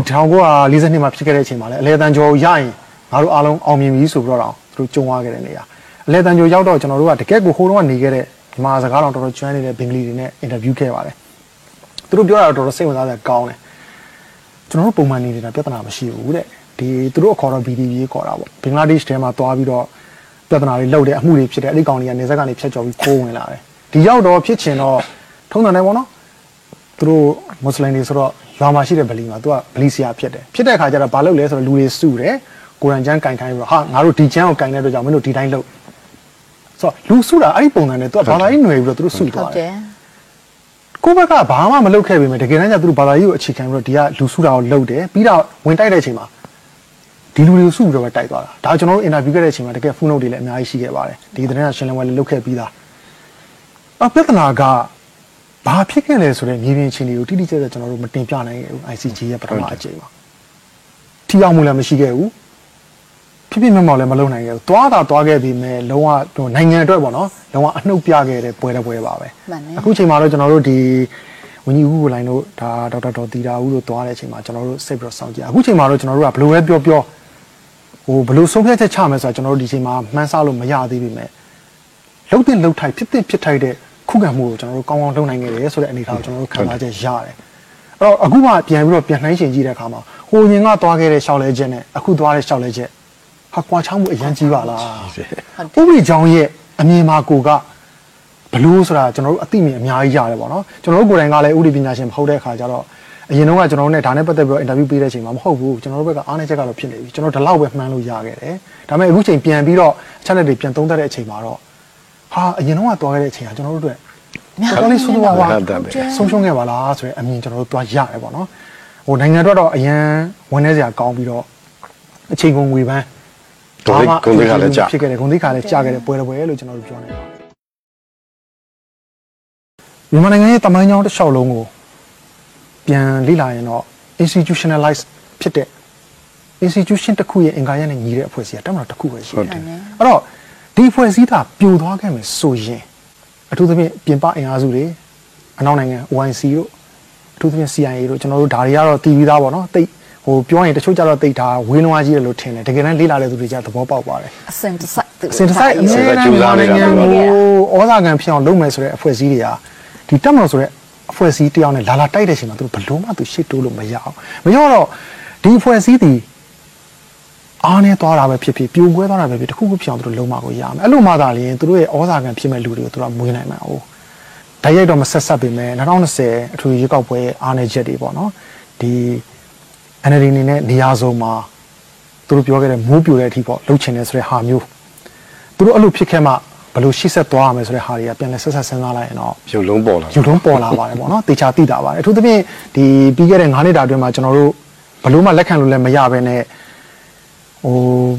မကြိုက်ခဲ့တဲ့ကိစ္စရတရားပေါ့ကျွန်တော်တို့ဒီပြည်တဲ့နိုင်ငံကအတွင်းဝင်လို့လို့ဘာလို့လဲနဲ့ဂျိုးဖစ်ရှာကျွန်တော်အကြံပေးဖြစ်နေခဲ့တယ် နောက်တစ်ခုကကျတော့ဒီ American ကအဲကြောင့်အမပြောတယ်ဂျိုဖစ်ရှာဟာ mission complete နဲ့ပြန်သွားခဲ့တာဟုတ်တယ်မှန်ပါတယ်မှန်ပါတယ်နစ်နာတယ်ဂျိုးဖစ်ရှာနောက်တစ်ခါကျွန်တော်တို့ American က Alexander Soros အခုကျွန်တော်တို့လက်ရှိဒီနိုင်ငံတော်လှုပ်ရှားချက်အဥပဒေနဲ့ဆွဲထားတဲ့ Australia ရှောင်းတနာစဉ်းစားကြည့်လိုက်နော်နိုင်ငံသုံးခုကဗြိတိန်ရယ် American ရယ် Australia ရယ်အဲ့ဒါကိုကျူးကျူးမယ်ဆိုကျွန်တော်တို့ဒီအရှိတောင်အာရှမှာအခု AUKUS ဆိုပြီးတော့ဖွဲ့ခဲ့တဲ့သုံးနိုင်ငံအဲ့တော့စဉ်းစားကြည့်ရတာက ပါဝါအပြော့အနေနဲ့မြန်မာနိုင်ငံထဲမှာဖွဲ့ခဲ့တဲ့အဖွဲ့အစည်းမအောင်မြင်တဲ့အချိန်မှာပါဝါအမာအနေနဲ့အပြင်မှာဖွဲ့စည်းသွားသလားဆိုတဲ့အတွေးတောင်းတော့ကျွန်တော်တို့ရခဲ့ပါတယ်အဲ့တော့တေချာလာကဒီနိုင်ငံတကာရဲ့ဖိအားပေးမှုနဲ့မြန်မာနိုင်ငံရေးတွေကိုတော်တော်လေးခြေရှုပ်ခဲ့တယ်ဆိုတာတော့ပြီးခဲ့တဲ့9နှစ်မှာကျွန်တော်တို့ဘယ်လို့မှငင်းလို့မရနိုင်တဲ့အချက်လက်တွေပဲအဲဒီမှာတော့ကျွန်တော်ကြားခဲ့ဘူးတဲ့အချက်လက်လေးတစ်ချက်ပေါ့ဘဟုဘန်ရဲ့အချက်လက်တွေကိုတော့မှဟုတ်တယ်ဂျိုးပရှာကယူသွားခဲ့ဘူးတယ်လို့ကျွန်တော်တို့ကြားခဲ့ဘူးတယ်ဟုတ်တယ်ဆိုတော့အခုချိန်မှာဘန်နဲ့ပတ်သက်ပြီး crisis ဖြစ်တာတော့ဘာလို့ပြန်စဉ်းစားကြည့်တဲ့ချိန်မှာ ပြီးခဲ့တဲ့9နှစ်မှာကျွန်တော်တို့ရဲ့အမျိုးသားအကျိုးစီးပွားကောအမျိုးသားလုံခြုံရေးကောတော်တော်ကြီးကိုစူးစူးဝါးဝါးချက်လို့ပဲချက်ကျလို့ပောက်ခဲ့တယ်ဆိုတာကျွန်တော်တို့မှန်းဆလို့ရနောက်ပြီးတော့ခုတိုက်ဆိုင်ဒါပေါ့နော်ဒီခု ICG ဟိုဟာဖြစ်နေချိန်မှာပဲဟိုအပြင်ဘက်ကနေပြီးတော့ဒီဘက် UNG ကတာဝန်ရှိပုဂ္ဂိုလ်ဘယ်လိုလဲအော်အေးအဲ့ဒါလေးသူကနေပြီးတော့ဟိုဟိုသူတို့ရဲ့သူ့ interview ညမှာအမလေးကြည့်တယ်သူ့ interview ကဘာတက်ရောက်သွားလဲဆိုတော့သူတို့အစိုးရရဲ့မူဝါဒကြီးပါနေတယ် နိုင်ငံတော်ရဲ့အင်တာအန်ဒီကြီးတယ်အမကနိုင်ငံရေးသမားမဟုတ်ဘူးဒါပေမဲ့အမဒီအမျိုးသားနိုင်ငံရေးသမားလို့တော့ပြောရင်ရမယ်အဲ့တော့အမက NUG ရဲ့ရက်တီချက်ရက်တီချက်ဆိုတဲ့နေရာမှာအဲ့ဒီမှာမေးတဲ့လူကလည်းမေးတယ်သိလားကျွန်မသိစိတ်ဝင်စားတဲ့မေးခွန်းကိုသွားတွေ့တာ NUG ကတဲ့အဲဘင်းနေနဲ့ပတ်သက်ပြီးတော့ရှေ့ကိုဘလို့တွေလုပ်ငန်းစဉ်တွေချမှတ်ထားပါတယ်လဲဆိုပြီးတော့မေးတဲ့အချိန်မှာပြန်ဖြေသွားတာပဲ့တယ်ငါမောင်တို့လည်းဖွင့်နာထောင်ကြည့်ရင်တွေ့လိမ့်မယ်82 law ကိုဖြတ်ပါမယ် အခုနပြောသလိုဒီအမားတို့ရဲ့နိုင်ငံသားကတ်မှာပါတဲ့ verification ကိုလည်းပဲသူတို့ထည့်သုံးမှမဟုတ်ပါဘူးဆိုတာအမားတို့ဒီနိုင်ငံသားလူမျိုးစုတစုတည်းနဲ့ဖွဲ့စည်းထားတဲ့နိုင်ငံဆိုရင်တော့တစ်မျိုးပေါ့ဒါပေမဲ့တခြားလူမျိုးစုတွေကိုလေးစားသောအဖြစ်မွန်ကရင်ချင်းအဲရခိုင်ရှမ်းစသဖြင့်အမားတို့တွေရဲ့ဒီလိုအဲခုနကအတိအမှတ်ပြုမှုကိုသူတို့ဖျက်ပစ်မယ်ဆိုတာဟာအမားခုနပြောသူတို့ပြောပြောနေတဲ့လူအခွင့်အရေးဟာ အဲလူအခွင့်အရေးစီအမတို့ရဲ့နိုင်ငံသားအခွင့်အရေးတွေနဲ့ရှင်ရင်အမလက်ခံနိုင်တဲ့အကြောင်းအရာမဟုတ်သလိုဆွေးနွေးမဲ့အကြောင်းအရာဆွေးနွေးခြင်းတဲ့အကြောင်းအရာကိုမဟုတ်ဘူးငါမောင်ရဲ့သိလားအဲ့တော့ဟိုကိုဝင်းမော်နဲ့ကိုသိန်းထုံးနဲ့အဲ့ဒါလေးနဲ့ပတ်သက်ပြီးတော့ပြောပါအောင်အဲ့ဒီ NUG ရဲ့ရက်တီချက်ဆိုတာဒီကြီးဆုံးချက်ကခုနပြောလို့လေအဲဒါသူတို့အစိုးရရဲ့မူဝါဒထင်ဟပ်နေတယ်နိုင်ငံသား87နိုင်ငံဥပဒေယူဖျက်ဖြစ်မယ်ဆိုတာကြီးကအင်မတန်အန်ဒီရဲ့ကြီးတဲ့ဟာကြီးကိုသူတို့ ဟာသူတို့ပါဇက်ကထွက်လာထွက်သွားထွက်လာတာတော့ဒါဟုတ် ICG တယ်ရဲ့ဟိုမှာကန့်ကွက်နေတဲ့ချိန်မှာဖြစ်လာတာတက်တာလေးသုံးသက်ပြီးပေါ့ကျွန်တော်တို့ဒီ February 1ရက်နောက်ပိုင်းပေါ့နော် CRPH တို့ NUG တို့စပေါ်လာကြတဲ့ကဟိုတေချာကျွန်တော်တို့သဘောပေါက်ပါတယ်သူတို့ရဲ့ဒီပေါ့နိုင်ငံရေးဆိုင်ရာမူဝါဒဘယ်လိုသွားလဲဆိုတော့ globalization နဲ့ globalism ပုံစံမျိုးကိုသူတို့သွားချင်နေတယ်လူဆိုတာလူပဲဘယ်ကပဲလာလာလူမျိုးဖြစ်ရမယ်ဆိုတဲ့ဟာမျိုး ပြောရရင်တော့ကျွန်တော်တို့ကဟိုအရင်အတက်လွန်သွားပြီကိုယ့်နိုင်ငံမှာလက်ရှိဖြစ်နေတဲ့အခြေအနေကိုနားမလည်ပဲနဲ့အရင်ကိုရှေ့ကိုကြော်နေတာအဲ့တော့အလုပ်ဖြစ်အောင်လဲပြီးခဲ့တဲ့9နှစ်မှာလုပ်ခဲ့တဲ့ကိစ္စတွေအများကြီးရှိပါတယ်အထူးသဖြင့်တော့ NGO တွေကပဲဖြစ်ဖြစ် CSO တွေကပဲဖြစ်ဖြစ်ဟို sponsor ပေးခဲ့တဲ့နိုင်ငံတွေတော်တော်များများကြီးလိုက်ရင်အနောက်နိုင်ငံပါမယ်ဟုတ်တယ်နောက်ဆုံးအဓိကဘာပေးလဲဒီလူခွင့်ရေးပေးမယ် Federal ကိစ္စ Federal တော့မှကျွန်တော်ထင်ပါတယ် Confederation ရင်းနဲ့ ပညာပေးမှုမျိုးလာတယ်ဟုတ်တယ် Feminism လိုဟာမျိုးလာတယ် LGBT လိုဟာမျိုးတွေရှေ့ကိုတန်းတင်လာတယ်ဆိုတော့ကျွန်တော်တို့ဟုတ်ပါပြီဒါပညာရပ်တစ်ခုအနေနဲ့ကျွန်တော်လက်ခံတယ်သို့တော်လည်းပဲပညာပေးမှုနဲ့ပေးခဲ့တဲ့ပညာပေးတဲ့ပုံစံဟာကျွန်တော်တို့ရဲ့ဒီလက်ရှိကျင့်သုံးနေတဲ့မီယိုဖလာအနေထား delay တွေထုံးစံတွေဒါတွေကိုအမြင်တမ်းပေါက်ဖြစ်တယ်အာဥပမာတစ်ခုပြောရမယ်ဆိုရင်ဟိုတဲ့ပြောရရင်တော့ American တန်ယုံကပေးတဲ့သင်တန်းတစ်ခုပေါ့ကျွန်တော်တပည့်လေးတယောက်ကိုကျွန်တော်သိအောင်လို့ကဲမင်းသွားတက်ကြည့်သူတို့ပါတင်လဲ ဆိုတော့တင်တာတော့ဒီ peacekeeping နဲ့ခုနပြော federalism ပေါ့လေအဲ့တော့မိကုံးမေးပြီးတော့တယောက်နဲ့တယောက်အပြန်အလှန်ဆွေးနွေးတဲ့ချိန်မှာကျွန်တော်တို့ခြီကကျွန်တော်တို့တပည့်ကဒီထက်မှဒီမြန်မာကျောင်းသားတွေလည်းပါတာပေါ့လေအဲ့တော့ဆရာကိုလေးစားတယ်သူကလက်ပိုက်ပြီးတော့ဒါထားဖြေတယ်ဒါပေမဲ့အဲ့ဒီမှာသင်ပေးတဲ့ဆရာဘာ challenge လုပ်လဲဆိုတော့ဒါမင်းလက်ပိုက်ပြီးဖြေတယ်ဆိုတော့ငါ့ကိုဒါ challenge လုပ်တာပဲပေါ့ challenge ခေါ်တာငါဒါလုံးလုံးဝလက်မခံနိုင်ငါငါ့ကိုဖြေရင် challenge မလုပ်နဲ့ဒါဒါမျိုး challenge လုပ်တဲ့ပုံစံမျိုးအမှုချင်းဒီထက်မှငါ့ကိုလာမလုပ်နဲ့ သူကတော့သူ့အမြင်နဲ့သူကပြောတာအနောက်တိုင်းမှာတော့ဟုတ်ချင်ဟုတ်မယ်ပေါ့စပွဲပေါ်6လောက်တင်တဲ့ကောင်လဲလက်ခံရင်လက်ခံပါပဲနော်မိသားစုကိုနာမည်ပတ်ဖဲနဲ့လေးစားမှုရှိရတဲ့ခေါ်တာလဲဒါသူ့အမှုချင်းဒါပေမဲ့သူလာတင်နေတဲ့နိုင်ငံတွေဘလို့ယဉ်ကျေးမှုရှိရှိတယ်ဆိုတော့သူအရင်ဆုံးသိထားဖို့လိုအပ်တယ်ဒါပေမဲ့ကျွန်တော်တို့ကထပ်တွေးလိုက်တာကကျွန်တော်တို့ရှိမှရှိပြီးသားယဉ်ကျေးမှုအခြေခံတွေကိုအဲ့ဒီတင်တဲ့နေ့မှာတမင်ဖြတ်ပုံစံမျိုးစုံနဲ့ဖြတ်သွားခဲ့တာသိကြတယ်အဲ့တော့ဒီ February 1ရက်နောက်ပိုင်းလူငယ်လေးတွေလမ်းပေါ်တက်လာတဲ့အချိန်မှာ ဆရာဆိုတာဘာလဲလို့မိဘဆိုတာဘာလဲလို့ဘာသာရေးဘာလဲဆိုတာအဲ့ဒီမျိုးစေ့တွေဟာအဲ့ဒီပြီးခဲ့တဲ့9နှစ်တွင်မှာကောင်းကောင်းချခဲ့တယ်ဆိုတော့ကျွန်တော်တို့မှတ်စားခဲ့လို့ရတယ်အဲ့တော့အခုဒီကျွန်တော်တို့သွားနေခဲ့တဲ့ဘင်္ဂလီအရေးကိစ္စဆိုတာလည်းဒီတိုင်းပဲတစ်ချိန်လုံးဒါတွေကို focus အမြဲတမ်းလုပ်နေတယ်အဲ့တော့ခုနနိုင်ငံရေးအပြောင်းအလဲတိုင်းသူတို့ဖြစ်ခဲ့တယ်ဆိုတာဆန္ဒပြပွဲမှာလည်းခုနပြောတယ် rule ဆိုတဲ့စကားလုံးနဲ့ပါလာပြီကျွန်တော်တို့ရှိမှအဲဆိုင်မုတ်အမေရိကန်နေအဲ့ဒီချိန်မှာဘာလို့လဲဆိုတော့တက္ကသိုလ်ကတချို့ကျောင်းသားအဖွဲ့အစည်းတွေက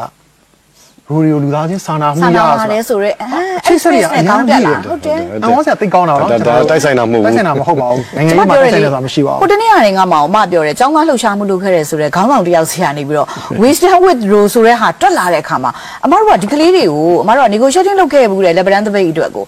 အဲ့ဒီအချိန်တည်းကအမစီမှာအချက်လက်ကရပြီးသားသူတို့တွေစီကိုဘယ်ကငွေတွေရောက်နေလဲဆိုတာသိတယ်အမသိပြီးသားပေါ့နော်ဒါပေမဲ့အမလို့အဲ့ဒီနေုံကဆွေးနွေးပွဲပြတ်သွားခဲ့တာကိုအမကလေ အမမှာပါရှိလဲဆိုတော့ကိုကိုတိုင်း